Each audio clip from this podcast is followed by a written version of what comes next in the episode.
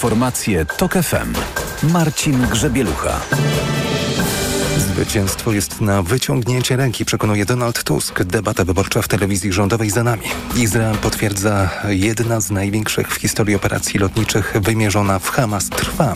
Sobot chce uchwalić budżet jeszcze przed wyborami, a w tle polityczny zatarg. Godzinę trwała debata wyborcza organizowana przez Telewizję Polską. W tym czasie zaledwie po 7 minut mieli przedstawiciele komitetów na prezentację przed widzami telewizji rządowej, w której wielu z nich nie gościło od lat. W starciu wzięli udział Mateusz Morawiecki z Prawa i Sprawiedliwości, Donald Tusk z Koalicji Obywatelskiej, Szymon Hołownia z Trzeciej Drogi, Joanna Szojring-Wielgus z Nowej Lewicy, Krzysztof Bosak z Konfederacji i Krzysztof Maj reprezentujący bezpartyjnych samorządowców. Twórcy debaty w rządowej telewizji nie przewidzieli czasu na bezpośrednie pytania i riposty do oponentów. Tak przedstawiciele największych partii przemawiali po debacie do zebranych przed budynkiem. I czy to jest trudny teren, czy przeciwnik gra fair, niezależnie od tego, gdzie jesteśmy, w jakim miejscu w Polsce, jest nas coraz więcej, coraz bardziej wierzymy we własne siły i pamiętajcie, musimy do ostatniej godziny, do zamknięcia lokali wyborczych, walczyć o zwycięstwo. Dziękuję, że jesteście tutaj. Ostatnia prosta w drodze do zwycięstwa. Już niewiele, kilka dni, ale dajmy z siebie wszystko. Widzicie, co oni opowiadają, co oni próbują robić. To są najwięksi obłudnicy polskiej polityki. Tylko Prawo i Sprawiedliwość, drodzy rodacy. Mówili Mateusz Morawiecki i Donald Tusk. Debatę przesunięto na 18.30 z planowanej godziny 21, czyli poza czas największej oglądalności. Odbyła się bez widzów. Do przeprowadzenia debaty Telewizja Polska jest jako nadawca publiczny zobowiązana ustawowo. Słuchasz informacji TOK FM. Mamy do czynienia z jedną z największych w historii operacji lotniczych wymierzoną w Hamas, poinformowały siły zbrojne Izraela. Jak podano w komunikacie, w ramach akcji odwetowych Izrael od soboty przeprowadził ponad 1200 nalotów na cele Hamasu w strefie gazy.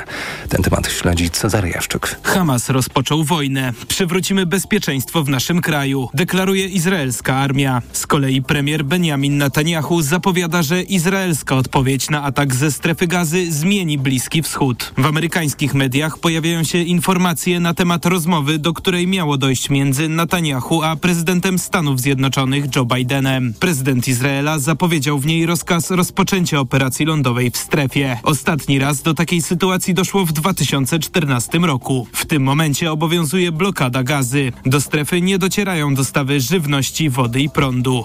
Cezary Jaszczyk, TOK FM. Budżetową ucieczkę do przodu przygotowuje Sopot. Prezydent tego miasta ma duże szanse na zdobycie mandatu posła, co skutkowałoby tym, że po wyborach władzę w mieście przejmie komisarz. Uchwalenie budżetu na przyszły rok 2,5 miesiąca przed terminem ma zminimalizować ryzyko zachwiania strategią funkcjonowania i rozwoju kurortu. O czym Paweł Radzewicz. Kontynuacja miejskiej polityki nie byłaby zagrożona, gdyby po ustąpieniu prezydenta komisarza wskazywała na przykład Rada Miasta, rozkłada ręce prezydent Jacek Karnowski. Polskie prawo niestety tu jest ułomne, bo wskazuje premier i nie z tej opcji, na którą głosują Sopocianie. Komisarz z innej opcji mógłby mieć inne spojrzenie na miejską politykę i choćby zwlekając z dopełnieniem formalności mógłby niektóre działania torpedować. Lepiej jednak, że ten budżet jest i będzie uchwalony, dlatego bardziej się spodziewamy zaniechania niż zepsucie czegoś, bo to jest bezpiecznik w postaci Rady Miasta Sopotu. Która zajmie się uchwałą budżetową tak, by zdążyć przed wyborami, czyli jeszcze w tym tygodniu. Z Sopotu Paweł Radzewicz. TOK FM.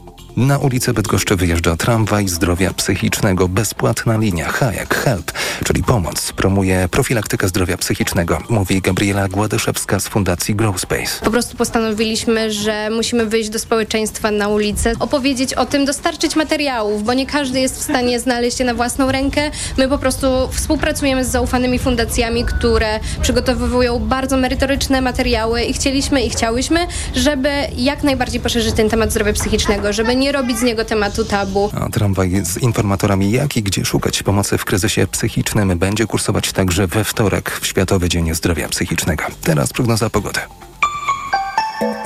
Pogoda. Przed nami deszczowy dzień, do tego duże zachmurzenie i lokalne mgły, maksymalnie na termometrach we wtorek 8 stopni w Krakowie, 9 w Lublinie i Katowicach, 10 we Wrocławiu, 11 w Łodzi i Poznaniu, 12 w Warszawie, Szczecinie, Białymstoku i Bydgoszczy, 13 w Olsztynie do 14 w Trójmieście.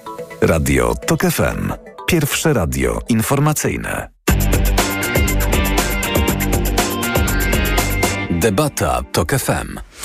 Dobry wieczór. Przed mikrofonem Marta Perchuć-Burzyńska. Zaczynamy drugą część przedwyborczej debaty Radia TOK FM dotyczącej kultury. Program wydają Tomasz Kopka i Karolina Kłaczyńska, realizuje Krzysztof Olesiewicz.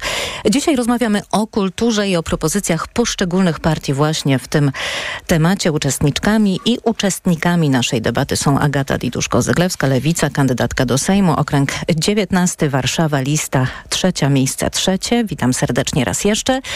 Krzysztof Mieszkowski jest z nami, Koalicja Obywatelska, kandydat nowoczesnej do Sejmu, okręg 3, Wrocław, miejsce numer 5. Jeszcze raz Państwa witam. Bożena Żelazowska, trzecia droga, kandydatka do Sejmu, okręg numer 20, Obwarzanek Podwarszawski, miejsce numer 2. Witam. Dobry wieczór. Michał Urbaniak na łączach skype'owych, Konfederacja, kandydat do Sejmu, okręg 25 w Gdańsku i Sopocie, miejsce numer 1. Dobry wieczór raz jeszcze. Ponownie się kłaniam. Grzegorz Ćwiertniewicz, bezpartyjni samorządowcy, kandydat do Sejmu, okręg trzeci, miejsce 26. Dobry wieczór. Rozmawialiśmy przed informacjami e, i w pierwszej części debaty o ustawie o artystach zawodowych, o dofinansowaniu kultury i przechodzimy teraz do palącej kwestii mediów publicznych. Moje pytania brzmią tak, jakich mediów publicznych potrzebujemy i czy w ogóle, a jeśli tak, to co zrobić, żeby je odpartyjnić? I zaczyna Grzegorz Ćwiertniewicz. No cóż, Szanowni Państwo, jak pięknie byłoby, gdyby media publiczne realizowały chociażby misję wyrażoną w ustawie o radiofonii i telewizji, podkreślającą przede wszystkim pluralizm, bezstronność, wyważenie, niezależność czy też innowacyjność. O tym, że tak nie jest, świadczy, świadczy chociażby dzisiejsza debata, którą już sobie e, skomentowaliśmy na samym początku. Myślę, że przede wszystkim myślę, że telewizja publiczna, w ogóle media publiczne spełniałyby swoją rolę, gdyby przestrzegały tego, co jest zapisane w ustawie o radiofonii i telewizji. Bo tutaj rzeczywiście te zapisy są bardzo konkretne, bardzo, bardzo stawiające na obiektywizm, y, na bezstronność, y, na innowacyjność, na nieangażowanie się w jakieś y, procesy polityczne, na służenie obywatelom. Tutaj myślę, nie ma co wyważać otwartych drzwi. Po prostu należałoby respektować te zapisy, które już funkcjonują, a nie robić sobie z mediów publicznych, yy, prywatnych mediów tak naprawdę, które sprzyjają tylko jednej władzy. Agata Diduszko-Zyglewska, Lewica, bardzo proszę. Media publiczne. My w Lewicy nie mamy wątpliwości, że y, silne media publiczne są w Polsce bardzo potrzebne, dlatego że media publiczne są tym miejscem, kiedy są właściwie używane, właściwie jedynym, które mogą służyć systemowemu edukowaniu ludzi dorosłych. I to jest w Polsce bardzo potrzebne, ponieważ doprowadzono do tego, podzielono nas na te dwa nienawistne obozy. Natomiast my musimy wrócić do tego, żeby ludzie w Polsce zrozumieli, że to jest nasz wspólny dom, że wszyscy mamy prawo tu mieszkać, że mamy prawo mieć różne poglądy na różne sprawy, że to jest jest w porządku i że media publiczne to jest właśnie to miejsce, w którym się rzetelnie tę różnorodność prezentuje, pielęgnuje i szanuje.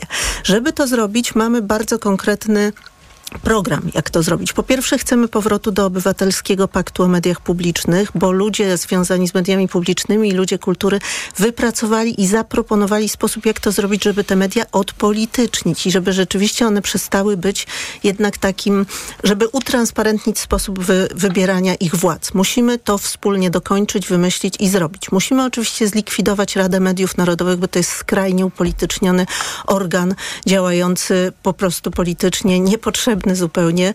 E, poza tym musimy zaktualizować ustawę o mm, radiofonii i telewizji, również w kontekście tego, że działają platformy internetowe i na przykład polscy twórcy w przeciwieństwie do twórców z całej prawie Europy nie dostają tantiemów za to, że ich dzieła są w, w internecie tworzone. Chcemy też uniezależnić media publiczne od reklam, ponieważ one nie mogą być zależne od komercyjnego rynku, bo to obniża ich standardy oraz, co jest bardzo ważne, chcemy wprowadzić do prawa odpowiedzialność za rzetelność prezentowanych treści, bo widzimy, co się stało przez te 18, 8 lat, kiedy używano mediów publicznych jako tuby propagandowej bez żadnej odpowiedzialności za fake newsy, za urządzanie nagonek na grupy obywateli w tych mediach i tak dalej, więc odpowiedzialność za te treści w mediach publicznych finansowanych z budżetu publicznego musi być po prostu zapisana w prawie. Prosimy o głos teraz Krzysztofa Mieszkowskiego, Koalicja Obywatelska, Media Publiczne. Tak, zacznę od cytatu e, z Leszka Kołakowskiego, który napisał, że systemy autorytarne potrzebują nienawiści, dlatego że nienawiść niszczy wewnętrznie tych, co nienawidzą. Czyni ich, bez, czyni ich bezbronnymi i uległymi wobec autokratów. Otóż dzisiaj mamy taką sytuację właśnie, że tym narzędziem, które produkuje tę nienawiść jest telewizja publiczna, ale także niektóre stacje radiowe, które, które są także częścią tej przestrzeni mediów publicznych w Polsce. Więc y, tutaj nie ma żadnych wątpliwości, że y, media publiczne trzeba uobywatelnić i ten, y, ta propozycja, o której mówiła Agata jest jak najbardziej istotna i ona jest nasza uwspólniona, bo, bo tutaj trudno sobie wyobrazić, że, że poza społeczeństwem obywatelskim będziemy jakieś nowe media kreować. A więc dziennikarze, filmowcy, literaci, muzycy muszą wziąć udział w formatowaniu i formułowaniu nowej przestrzeni medialnej i istotne jest to, żeby stworzyć e, taką formę finansowania tych mediów, które będą obiektywnie e, jakoś e, oceniane, czy te kryteria będą obiektywne, jakiś fundusz, fundusz, fundusz finansowania mediów publicznych. Zresztą w, w, jednym z, w jednej z propozycji Instytutu Spraw Publicznych taka taka koncepcja pojawia się i warto też nad nią się pochylić. Dyskutowaliśmy o tym wielokrotnie, a więc nie ma żadnych wątpliwości, że dzisiaj media publiczne e, muszą być e, przeformułowane w sposób e, absolutny. Może potrzebna jest jakaś atomowa propozycja, nie wiem, całkowitej likwidacji instytucji, powołania na nowo z nowymi prerogatywami, z nową formułą, z nową strukturą itd., tak itd. Tak nad tym będziemy się oczywiście pochylać, zastanawiać, będziemy dyskutować o tym, bo nie mamy również żadnych wątpliwości, że bez mediów publicznych polska przestrzeń e, kulturalna, edukacyjna, naukowa, społeczna no, będzie uboższa oczywiście i trzeba e, mieć świadomość tego, że e, media publiczne są częścią kultury oczywiście również. Więc, więc Dlatego w tej debacie się pojawiają. No więc tak, no to jest, to jest bardzo istotne, ale ważne jest również to, żeby, żebyśmy raz na zawsze przerwali ten straszliwy te straszliwe nawałnice y, nietolerancji, jaka się pojawiła w mediach publicznych, to jest coś, czego właściwie ja y, po raz pierwszy dotykam jako dorosły człowiek. No miałem oczywiście jakąś relację z mediami y, w poprzednim systemie, ale myślę, że te media publiczne są po prostu przestępcze, z jakimi dzisiaj mamy do czynienia. Michał Urbaniak, Konfederacja. Jakich mediów publicznych potrzebujemy i czy w ogóle? Truizmem będzie, jeśli powiem, że media publiczne powinny być wolne od politycznych nacisków, ale żyjemy w świecie, w jakim żyjemy i jest to mało możliwe. Konfederacja w roku 2021 do Lex TVN zgłosiła e, poprawkę, która mm, nieco uzdrowiłaby sytuację z mediami publicznymi, czyli powrót do e, wyboru prezesa TVP przez KRLiT. Natomiast e, trzeba pamiętać też o tym, że sytuacja w mediach publicznych będzie jaka jaka jest, y, jeśli też y, dziennikarze, którzy tam y, pracują, no, będą w pełni uzależnieni od swoich pracodawców w tym, co i jak mogą powiedzieć. O tym też trzeba pamiętać, że w, za, za prezesa TVP Juliusza Brauna w TVP zaczęto przenosić pracowników, którzy byli na przykład na umowach o pracę. No pamiętajmy, że to jest jednak instytucja e, publiczna, więc e, może mieć nieco inne i powinna mieć nieco inne standardy często niż na przykład mają instytucje prywatne w pełni. No, zaczął przenosić na umowy cywilnoprawne, więc takich dziennikarzy bardzo łatwo można było zastąpić. No i PiS to wykorzystał, że najpierw zdemolowano system zatrudnienia w TVP, a potem, a potem TVP y, zapisu już mogło być porządkowane i demolowane dalej. E, że mamy sytuację, jaką mamy dzisiaj, gdzie dziennikarze są w pełni zależni od swoich politycznych mocodawców, od prezesa TVP, bo ona nigdy nie była też, tak trzeba o tym pamiętać, wolna od, od, od tej polityki, od tych nacisków. Dlatego uważamy na przykład, że ten wybór prezesa powinien wyglądać inaczej. Gdyby wybierany był zgodnie z tym naszym założeniem z poprawki, no to cały Sejm w zasadzie musiałby się zgodzić co do tego, kto będzie w KRLT i dopiero wtedy KRLT takiego pre, prezesa wybierało. No bo dlaczego mówię o tym, że, że nie jest wolne? Nawet rok 2010 i regionalna telewizja tutaj w Gdańsku u nas, no, odwiedzili ją panowie Aleksander Kwaśniewski oraz Włodzimierz Czerzasty i kilka dni później pojawił się pan Zbigniew Jasiewicz jako nowy prezes, dyrektor oddziału. Więc ym, tak długo jak istnieją media publiczne, tam zawsze mimo wszystko będą jakieś naciski polityczne. No, zadaniem polityków zdroworozsądkowych jest y, doprowadzenie do sytuacji, w której y, te naciski będą jak najmniejsze. Dziękujemy bardzo. Michał Urbaniak, Konfederacja i teraz zabierze głos w sprawie mediów publicznych. Bożena Żelazowska, Trzecia Droga, bardzo proszę.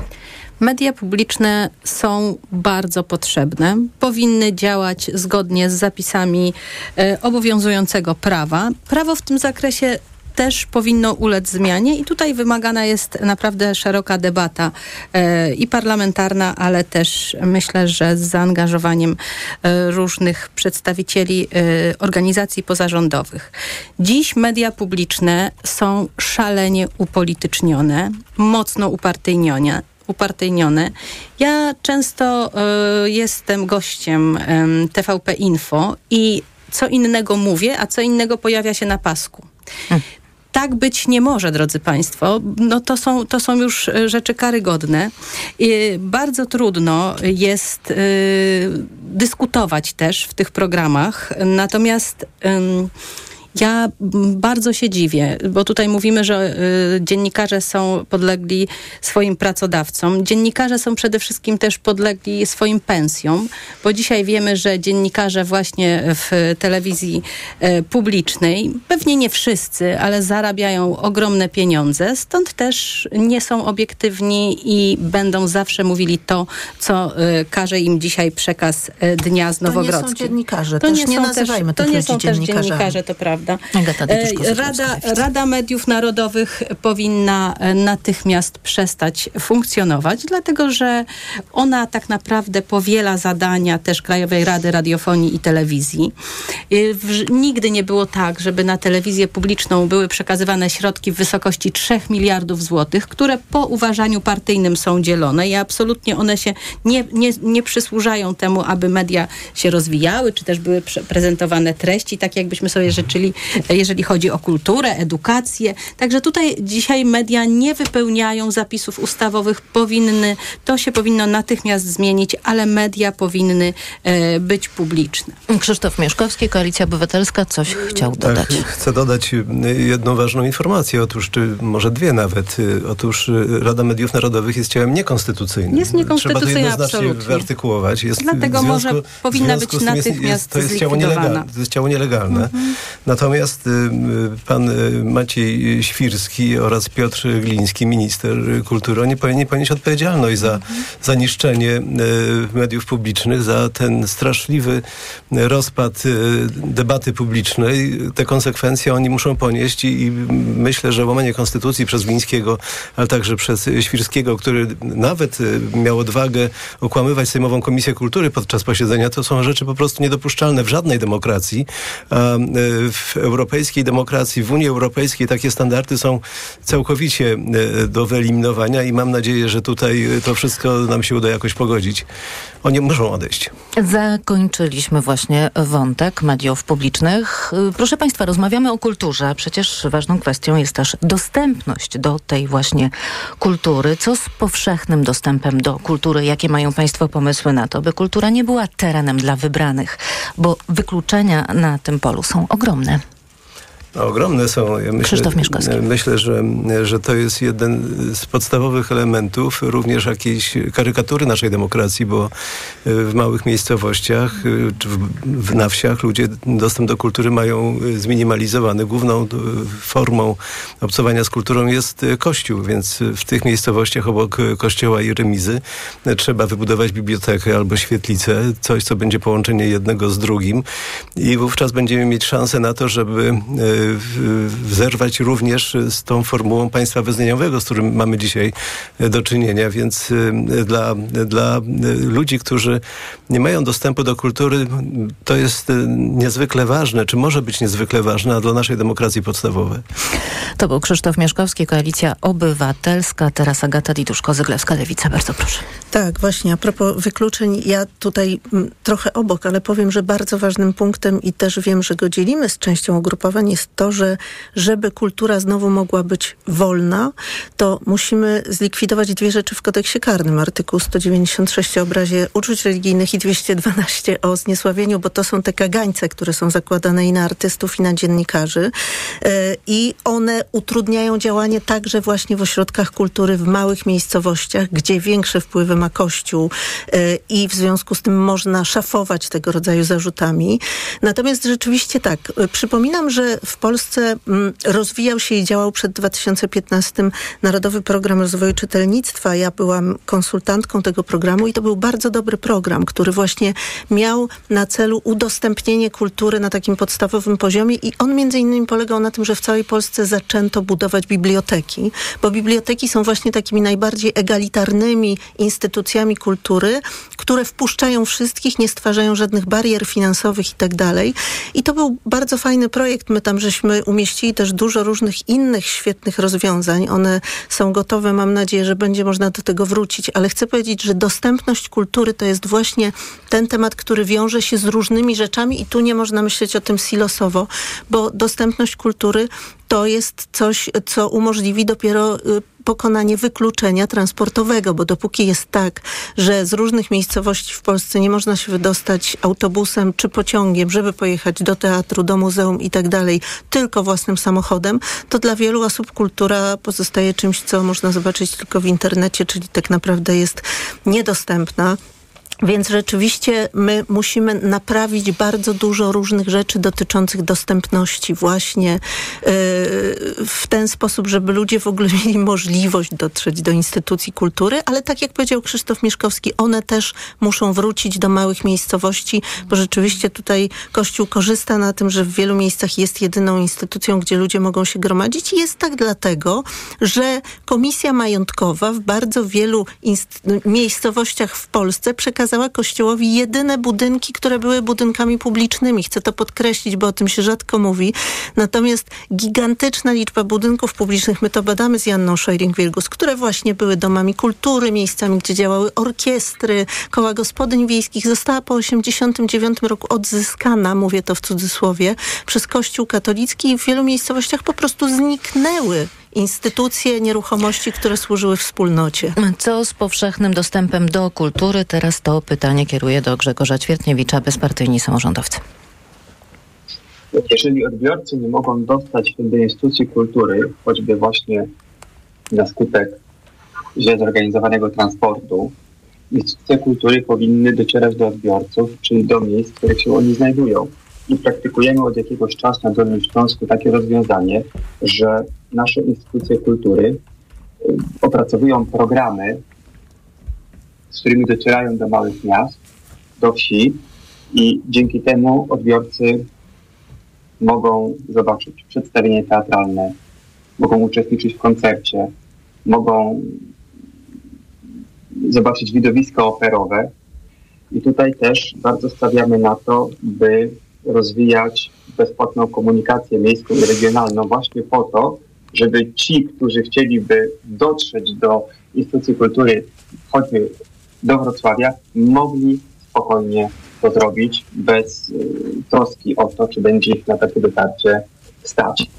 Powołaliśmy też, ostatnie zdanie, powołaliśmy też y, na Dolnym Śląsku, Dolnośląskie Laboratorium Kultury i to jest taka komórka, która się właśnie zajmuje inicjatywami kulturalnymi, wzmacnia ich potencjał, bada te potrzeby mieszkańców wsi, mniejszych miast, czyli tak naprawdę określa kierunek y, kulturalnych działań. Jednocześnie pozwala trafić ofertą do tych ludzi, którzy chcieliby z niej skorzystać. Bardzo dziękujemy. Grzegorz Ćwiertniewicz, bezpartyjni samorządowcy, trochę nam zanika, ale teraz Bożena Żelazowska, trzecia droga.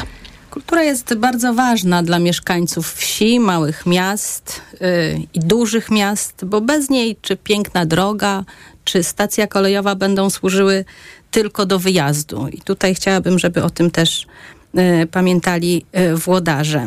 Są takie miejsca, mm, które całą swoją y, markę zbudowały na kulturze właśnie. Stąd wiemy, że kultura ludowa, regionalizmy powinny również być odpowiednio traktowane, dofinansowane i żebyśmy o nich nie zapominali. Natomiast ja, kiedy też przez moje prawie całe zawodowe życie mm, pracowałam w kulturze, wymyśliłam szereg projektów, jak ta kultura powinna e, trafiać bardziej pod strzechy i uważam, że są e, różne mniejsze formy teatralne, które powinny e, właśnie jeździć do tych mniejszych miast.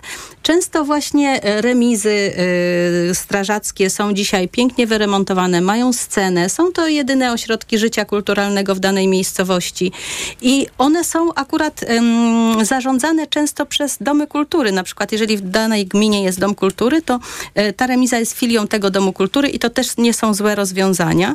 Trzeba je bardziej dofinansować, stworzyć e, powiązanie, jeżeli chodzi o siecią internetową i tutaj jest też duże pole do popisu. Natomiast e, te teatry mogą absolutnie przy mądrym zarządzaniu finansami kultury docierać do mniejszych ośrodków kultury i to się dzieje na Mazowszu. Myślę, że tutaj możemy być takim dobrym przykładem.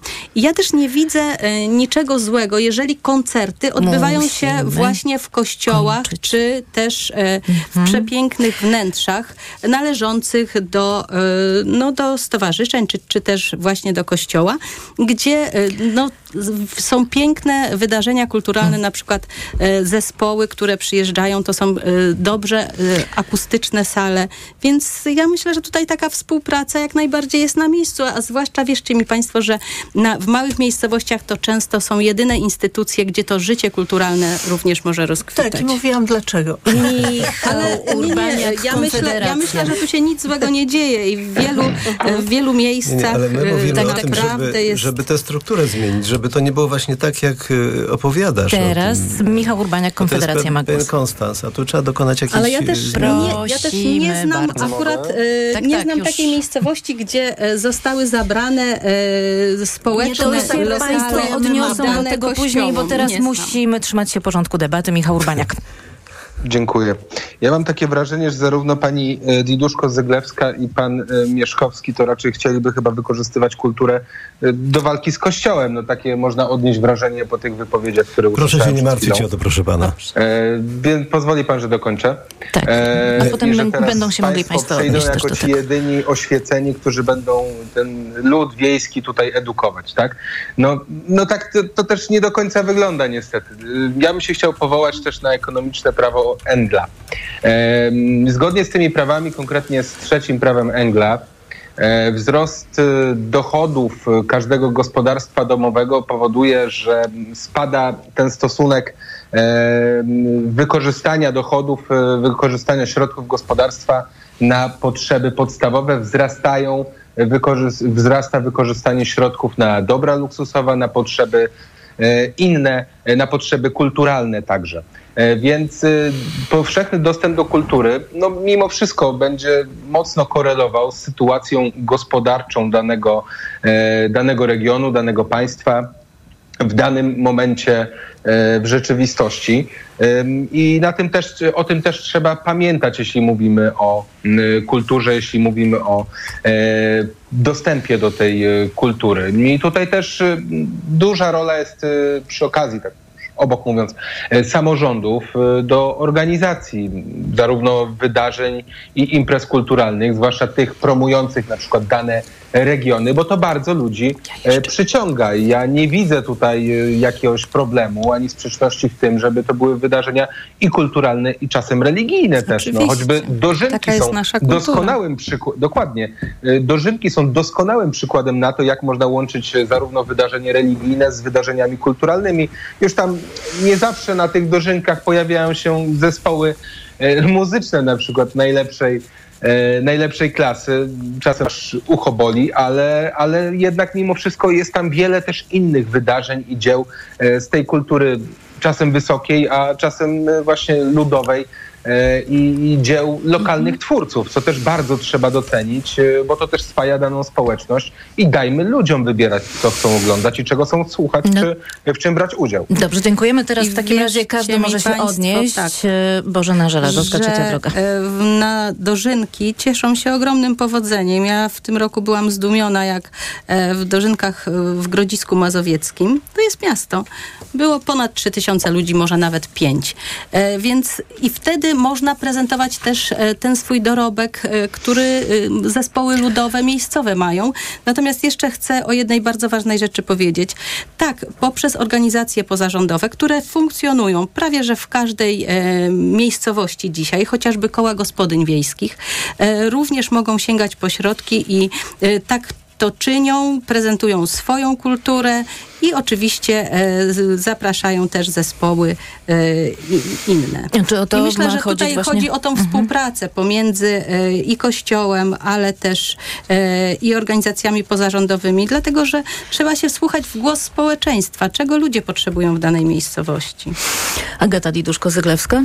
Tak, odniosę się do poprzedniej sprawy. My przygotowujemy od wielu miesięcy z Janną Szojring-Wielgus mapę finansów Kościoła, która właśnie pokazuje liczbę tych miejscowości, gdzie Kościół przejął te publiczne nieruchomości, w których mieściły się różne rzeczy, już się potem nie mogły mieścić, więc okazało się, że tego jest tak dużo, że chociaż myślałyśmy, że już skończymy to przed wyborami, to jeszcze wiele miesięcy pracy przed nami, więc mm, będą Państwo mogli zobaczyć, jak duża jest skala tego. Natomiast chcę No ja powiedzieć, że w nie- naszej nie konstytucji znam jest zapisana, że w naszej konstytucji jest zapisana neutralność władz e, religijna, bo tylko neutralność religijna władz umożliwia pełną kościołów. wolność, tak, pełną wolność religijną obywateli. I w związku z tym organizowanie uroczystości, o których państwo mówią, z udziałem parafii, księży katolickich i tak dalej, odbiera tę wolność religijną ludziom, ponieważ splot władzy i jednego konkretnego kościoła oznacza dominację tego kościoła. Jest to sprzeczne z zapisami naszej konstytucji.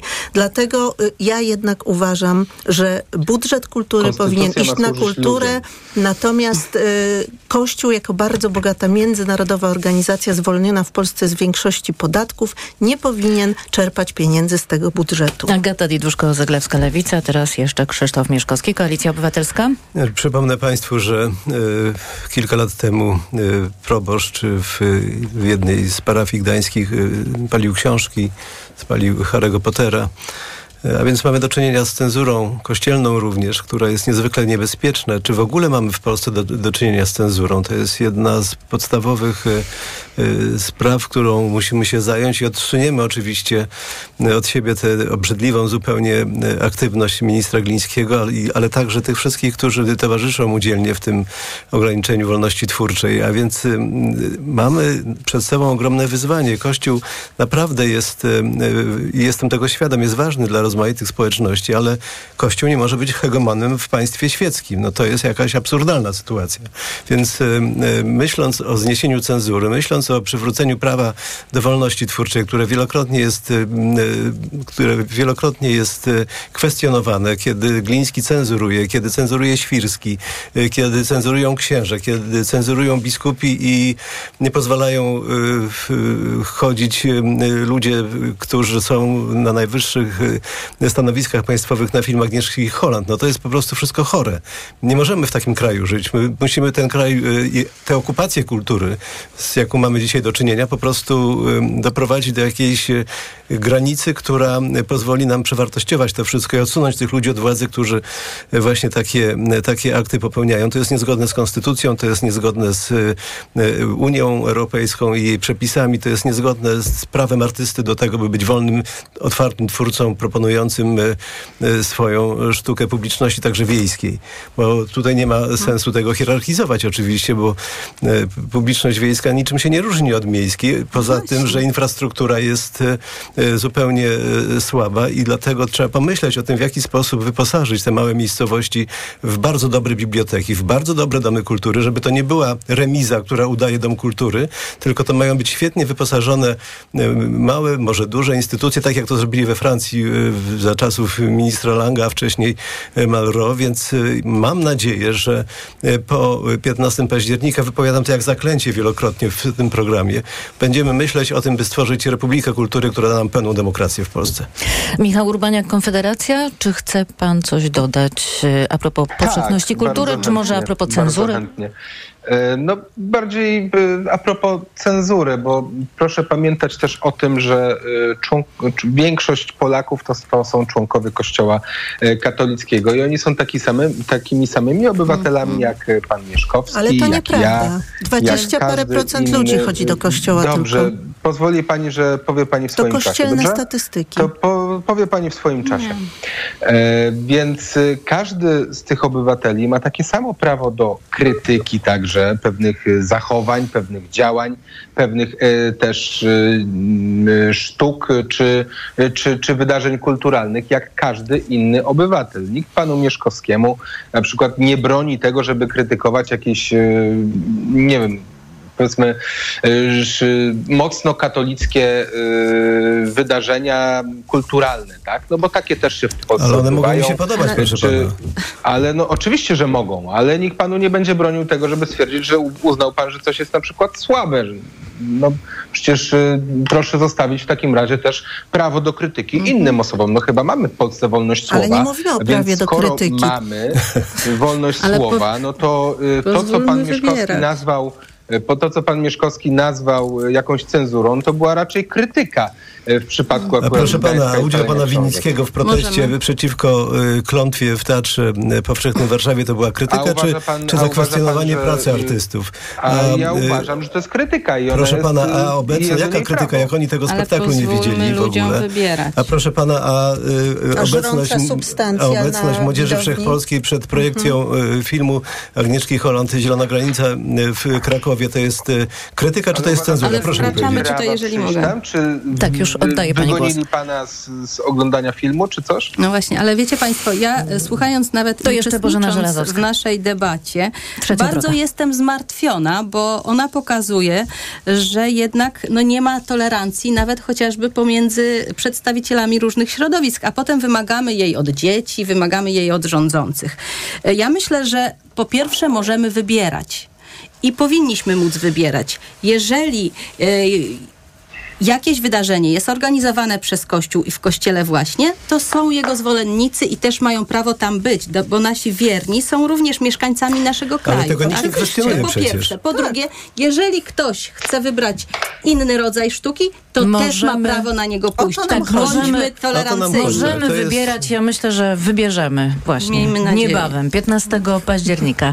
Na tym kończymy dzisiejszą debatę. Bardzo dziękuję uczestniczkom i uczestnikom. Byli z nami Agata Liduszko-Zyglewska, Lewica, kandydatka do Sejmu, okręg 19 Warszawa, lista trzecia, miejsce trzecie. Krzysztof Mieszkowski, Koalicja Obywatelska, kandydat Nowoczesnej do Sejmu, okręg trzeci, Wrocław, miejsce numer 5. Dziękuję Była bardzo. z nami Idźmy na również e, Bożena Żelazowska, trzecia droga, kandydatka do Sejmu, okręg numer 20, Obważanek Podwarszawski, miejsce numer 2. Dziękuję. Bardzo dziękuję. Dobranoc. Dziękuję bardzo Michałowi Urbaniakowi, Konfederacja, kandydat do Sejmu, okręg 25 w Gdańsku i Sopocie, Dziękuję miejsce numer 1. I z nami był także Grzegorz Ćwiertniewicz, bezpartyjni samorządowcy, kandydat do Sejmu, okręg trzeci, miejsce 26. Dziękuję bardzo wydawcom programu Tomaszowi Kopce i Karolinie Kłaczyńskiej, a także realizatorowi Krzysztofowi Olesiewiczowi. Za chwilę, proszę Państwa, książka na głos. Dziękuję. Jutro ostatnia debata, na którą zaprasza Karolina Lewicka. Dziękuję Marta Perchuć-Burzyńska. Do usłyszenia jutro rano. Debata TOK FM. Reklama. To był świetny wypad w góry. Do czasu, aż Kry się złapał ból pleców, pamiętacie? Niby coś brałam, ale nie pomogło. Bo stosowałaś nie to, co trzeba. Fakt. Pomógł mi dopiero Opokan Med. Bo Opokan Med to specjalistyczne rozwiązanie. Właśnie na bóle mięśniowo-stawowe i reumatyczne. Medyczne. Opokan Med przynosi ulgę na długo. Opokan Med bez bólu przez cały dzień. Bez bólu przez całą noc. To jest wyrób medyczny. Używaj go zgodnie z instrukcją używania lub etykietą. Rozgrzewanie i łagodzenie dolegliwości krzyżowo-lędźwiowych, reumatycznych, mięśniowych, stawowych i nerwobuli. Aflofarm. Jak lubicie się kochać? Spontanicznie? Intensywnie?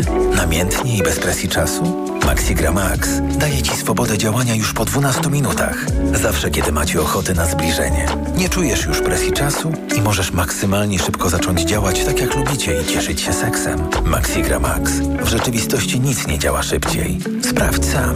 Sildenafil w porównaniu z tadalafilem zawartym w lekach na erekcję dostępnych bez recepty zaczyna działać szybciej. Maxigra Max. Jedna tabletka powlekana zawiera 50 mg sildenafilu do stosowania u dorosłych mężczyzn z zaburzeniami erekcji, czyli niezdolnością uzyskania lub utrzymania erekcji bądź wystarczającej do odbycia stosunku płciowego. Aby sildenafil działał skutecznie, konieczna jest stymulacja seksualna. Podmiot odpowiedzialny Zakłady Farmaceutyczne Polpharma S.A. To jest lek dla bezpieczeństwa. Stosuj go zgodnie z ulotką dołączoną do opakowania. Zwróć uwagę na przeciwwskazania. W przypadku wątpliwości skonsultuj się z lekarzem lub farmaceutą. Mam ból w tych okolicach, zwłaszcza gdy siadam. To są typowe objawy hemoroidów. Hemoroidów? Sięgnij po Proctohemolan. Krem Proctohemolan szybko znieczula i przynosi ulgę zaraz po zastosowaniu. Do tego zapobiega nawrotom choroby. Proctohemolan bez hemoroidów szybko i na długo. Proctohemolan krem. Tribenozyt lidokaina. Wewnętrzne i zewnętrzne żelaki odbytu. Przeciwwskazania na wrażliwość na którykolwiek ze składników. Aflofarm. Przed użyciem zapoznaj się z treścią ulotki dołączonej do opakowania bądź skonsultuj się z lekarzem lub farmaceutą, gdyż każdy lek niewłaściwie stosowany zagraża Twojemu życiu lub zdrowiu. Kto wygra wybory? Jak głosowali Polacy? Na te pytania odpowiemy podczas specjalnego wydania Wieczoru Wyborczego w niedzielę 15 października o 21 i poranka wyborczego w poniedziałek o 7 rano na wp.pl. Zapraszam, Paweł Kapusta, redaktor naczelny Wirtualnej Polski. Reklama. Książka na głos.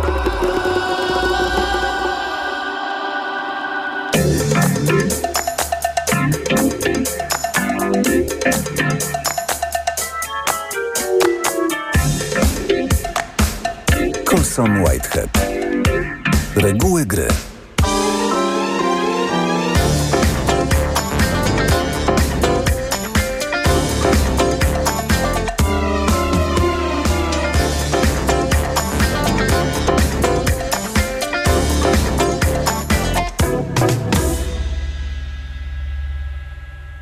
Odtąd, gdy tylko słyszał tę piosenkę, myślał o śmierci Mansona. W końcu to za sprawą The Jackson Five Ray Carney wrócił do gry po czterech latach spędzonych na wąskiej prostej. Wąska prosta. Określenie filozofii terytorium części miasta z granicami i własnym obyczajem. Czasem, kiedy Carney w drodze do pracy przecinał siódmą aleję, mamrotał te słowa pod nosem jako chlapus usiłujący nie zataczać się po wyjściu z baru. Cztery lata uczciwej i satysfakcjonującej pracy w branży meblowej. Wyposażał młode pary na nowym etapie życia, modernizował salony, podnosząc ich standard, instruował emerytów w sprawie najrozmaitszych zalet supernowoczesnych łóżek i rozkładanych foteli. To była wielka odpowiedzialność. W zeszłym tygodniu jedna z klientek powiedziała mu, że jej ojciec odszedł we śnie z uśmiechem na twarzy, bo był wtulony w fotel Sterling Dreamer zakupiony właśnie w Carney's Furniture. Przepracował 35 lat jako hydraulik zatrudniony przez miasto. Dodała. Dzięki piance poliuretanowej jego przedśmiertnym przeżyciem była czuła pieszczota. Carney ucieszył się, że staruszek umarł zadowolony. Przecież byłoby tragedią, gdyby na koniec pomyślał, zamiast poliuretanu trzeba było wziąć zwykły skaj. Handlował akcesoriami. Akcentami dla pozbawionych życia przestrzeni. Brzmi nudno i takie było. Ale było też budujące. Budujące w sposób, w jaki niedoprawione jedzenie i wodniste drinki wciąż okazują się pożywne, choć może mało smaczne. Nie było przyjęcia pożegnalnego, kiedy wypisał się z półświadka. Nikt nie dał mu złotego zegarka za wysługę lat, ale przecież odkąd został paserem, nie narzekał na ich brak. W dniu odejścia miał w biurowym sejfie całe pudło złotych zegarków z wygrawerowanymi nazwiskami obcych ludzi, bo minęło już trochę czasu od jego ostatniej wizyty u odbiorcy w Mod Haven. Rozbrat z paserstwem polegał głównie na spławianiu dotychczasowych klientów i mówieniu im, by rozpowiedzieli, że Carney się wycofał. Co znaczy, że się wycofałeś?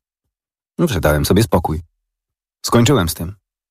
Drzwi wychodzące na Morningside, wykute w ścianie, by ułatwić nocny handel, teraz stały się niewinną trasą popołudniowych dostaw. Dwa tygodnie po napadzie na fortunę zapukał do tych drzwi Tommy Shash, z czarnym skórzanym neseserem wetkniętym pod pachę. Karnej rzucił okiem na brylanty, żeby przetestować determinację złodzieja, po czym życzył mu powodzenia. Następnego dnia Kabi Robal, jeden ze stałych białych klientów, pojawił się po godzinach z naprawdę gorącym towarem. Specjalizował się w nieprawdopodobnych kradzieżach rozmaitych dóbr, których upłynnienie wymagało lat.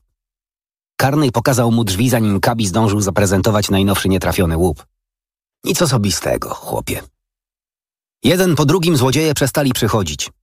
Zniechęceni tylko chwilowo, bo zawsze znalazł się inny paser, inny interes do zrobienia na rynku tak rozległym, skomplikowanym i szemranym jak Nowy Jork.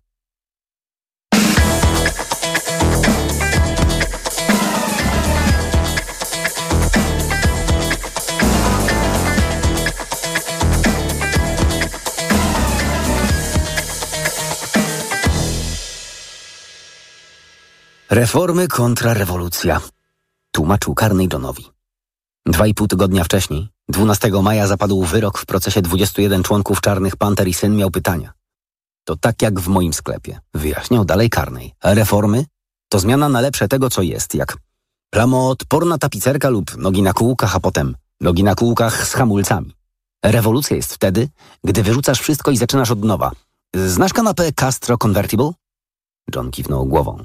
Reklamy telewizyjne trudno było przeoczyć. Rozkładana kanapa to rewolucja, stwierdził Karnej. Wszystkie nasze wyobrażenia o spaniu, o przestrzeni zostają postawione na głowie. Pokój dzienny, bum, i już mamy sypialnię. John, nieszczególnie zainteresowany, skinął głową. Karnej podkręcił tempo. Pantery otwierają jadłodajnie i magazyny z żywnością. Mają program darmowych śniadań i udzielają pomocy prawnej. To są reformy. Armia Wyzwolenia chce obalić cały system. Jeśli pantery są za reformami, to dlaczego próbowały wysadzić metro? Tego popołudnia najdłuższy i najdroższy proces w dziejach Nowego Jorku zakończył się zaskakującym uniewinnieniem. 21 członków panter aresztowano dwa lata wcześniej. Zostali namierzeni przez tajniaków, którzy przeniknęli do organizacji. Postawiono im 156 zarzutów. Usiłowania popełnienia zabójstwa, podpalenia i innych czynów w ramach zmowy mającej na celu wysadzenie ogrodu botanicznego na Bronxie, posterunków policji, kilku linii metra, także Alexander's, Corvettes, Macy's i innych domów towarowych. Sklepy obrano za cel prawdopodobnie dlatego, że uosabiały kapitalizm, ale co zawiniły kwiaty nie było jasne. Ława przysięgłych potrzebowała półtorej godziny na podjęcie decyzji i 20 minut na odczytanie 156 razy słowa niewinni. Agenci policji wyssali wszystko z palca. Upokarzający obrót spraw dla Franka Hogana, prokuratora z Manhattanu. Dlaczego policjanci mieliby kłamać? spytał John. A dlaczego ludzie w ogóle kłamią? Odparł karnej, bo odpowiedzi na niektóre pytania chłopak powinien wykombinować sam. Próbował wyobrazić sobie, że w dzieciństwie wypytuje ojca o politykę. Nie do pomyślenia. Czasami Karnej widział w synu wersję chłopca, którym sam mógłby być, gdyby dorastał w innym mieszkaniu, takim, gdzie w szafce byłoby jedzenie, kiedy wracałby ze szkoły, gdzie witałaby go matka, bo nie umarła, Karnejowi podobała się myśl, że gdzieś istnieje wersja tego chłopca, nawet jeśli on nią nie był. May poszła w ślady matki. Ostra, pewna siebie, zadziorna piętnastolatka. Tydzień po procesie Panter Karnej i dzieci usiedli do śniadania w jadalni. May postukała w gazetę. To są niezłe kolesie, powiedziała. Karnej wziął Timesa.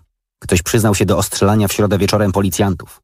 Dwaj funkcjonariusze pilnujący mieszkania prokuratora Franka Hogana byli w stanie krytycznym, poszatkowani z broni maszynowej przez dwóch młodych czarnych mężczyzn w rozpędzonym samochodzie. Hogan miał ochronę od zeszłego lata, kiedy to podpalono dom Johna Martaga. Kim był John Martag? Sędzią w procesie 21 członków Czarnych Panter. Zeszłej nocy zamachowcy podrzucili paczki pod budynek New York Timesa i pod radiostację WLIB w hotelu Terisa przy 125 ulicy niedaleko sklepu. W każdej paczce znajdowały się pocisk z karabinu maszynowego kalibru 45, tablica rejestracyjna z samochodu zidentyfikowanego podczas napadu oraz list. 19 maja 1971 roku.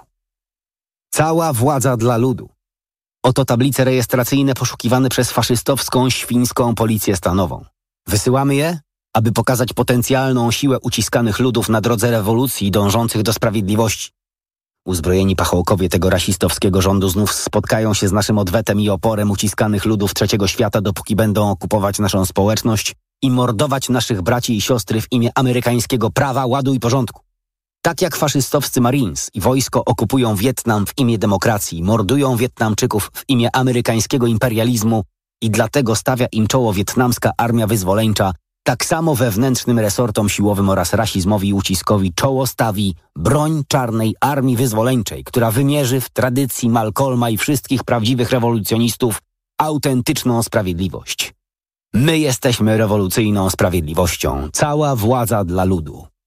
Podpisano Sprawiedliwość. Składnia i pisownia trochę zgrzytały, ale Karnej załapał sedno. Bojowo, stwierdził. Ktoś musiał to powiedzieć, odparła May. Wietnam, getto. To jedno i to samo. Władza ma widać pełne ręce roboty. To nie jest śmieszne. Rzuciła i wyrwała mu gazetę. Ja się nie śmieję. Dostałeś bilety? Karnej się skrzywił. Mówiłem ci, że są wyprzedane, kochanie. Powiedziałeś, że załatwisz. John podążał ołówkiem przez labirynt na odwrocie pudełka płatków śniadaniowych Honeycamp. Następnej nocy nastąpił kolejny atak, tym razem udany. W sobotę rano Carney słuchał doniesień radiostacji 1010 Wins. Cały świat przez całą dobę. Dziennikarz wspomniał o domach Colonial Park przy 159. Carney miał klientów, którzy tam mieszkali. Załatwiał im dostawy. W piątek zaraz po dziesiątej wieczorem funkcjonariusze Weaverly Jones i Joseph Piagentini dostali w plecy z karabinu maszynowego, gdy wracali do radiowozu. Jones był czarny. Został postrzelony dwukrotnie. Piagentini, biały policjant, oberwał osiem razy. Ciotka Mili miała akurat dyżur, kiedy przewieziono ich do szpitala na Harlemie. Pieprzona jadka. Karnejowi przypominało to zamieszki z 1964 roku albo z 68 po zastrzeleniu Kinga. Edward Kiernan, szef Związku Zawodowego Policjantów, pokazał w telewizji podziurawioną kulami koszulę Piagentiniego i zwrócił się z gorącym apelem do wszystkich funkcjonariuszy, żeby na służbie nosili długą broń. W przypadku pistoletu szanse chybienia wynoszą 1 do 5, powiedział, a w przypadku broni długiej szansa trafienia to 99 do 1. To zabrzmiało jak zachęta do linczu. Percy Saturn powiedział mu, żeby przestał tak mówić. Satona, dawniej lotnika z afroamerykańskiej 332 Grupy Myśliwskiej adwokata Malcolma X, a obecnie burmistrza Manhattanu, duży Mike skwitowałby teatralnym przewróceniem oczami. Tu jest Nowy Jork, nie Alabama, dodał Saton. Nie wymierzamy sprawiedliwości za pomocą karabinu. Mijały dni, nie ustawały obławy, nie ustawały syreny.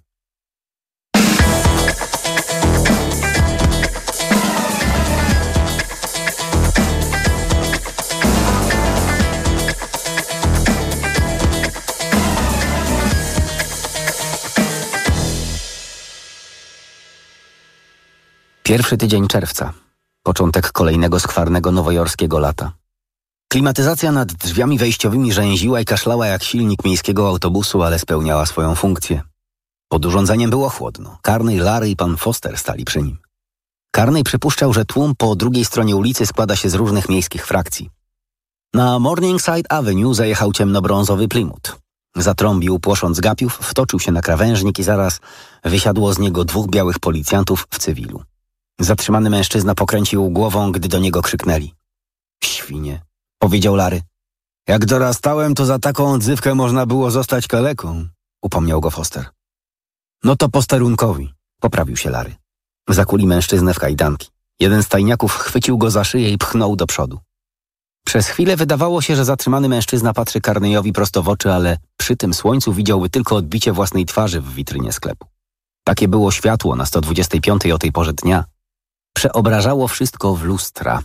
Tajniacy wepchnęli aresztowanego na tylne siedzenie. Plymouth bryknął i już go nie było. Radiowóz poszedł w jego ślady. Charlie Foster odchrząknął i włożył beret. Coś go zniechęciło do kupna fotela, o czym świadczyła mowa jego ciała. Muszę to jeszcze przemyśleć, powiedział. Larry zaprotestował. Carney zadekował się w gabinecie. To była skucha. Minutę później Foster wyszedł na ulicę. Czasami Carney miał ochotę krzyknąć Kup to do ciężkiej cholery, zrób coś dla siebie. Nad biurkiem Carneya, na lewo od okna wychodzącego na salon sprzedaży wisiało zdjęcie polaroidowe, które Rusty zrobił jemu, Elizabeth i dzieciom przed sklepem. Rok 1961. May miała cztery lata, John może dwa. Niezależnie od tego, kiedy wykonano zdjęcie, Elizabeth wyglądała tak samo. Urocza i spokojna. To była miła sobota. Cieszyli się sobą i pogodą. Usta May wykrzywione jak zawsze, gdy powściągała uśmiech. Nie chciał zawieść córki, ale skończyły mu się pomysły. Zatelefonował do Larego. Co jest, Złotko? Carney powiedział mu, że w przyszłym miesiącu The Jackson Five grają w Madison Square Garden. Sensacja, rzucił Larry znużonym tonem znawcy. May wierci mi dziurę w brzuchu, dodał Carney. Larry pokręcił głową. Gdybym mógł załatwić, sam bym poszedł. Carney pukał do różnych drzwi. Klub Dima okazał się niewypałem. Wiedza o przygotowywanym prawodawstwie, o tym, kogo przekupić w downtown, o tym, jak wpływy zamieniają się w walutę, w żywą gotówkę. Na tym ludzie z klubu Dima znali się jak nikt inny. Nie byli jednak tacy bystrzy, gdy chodziło o bilety na The Jackson Five.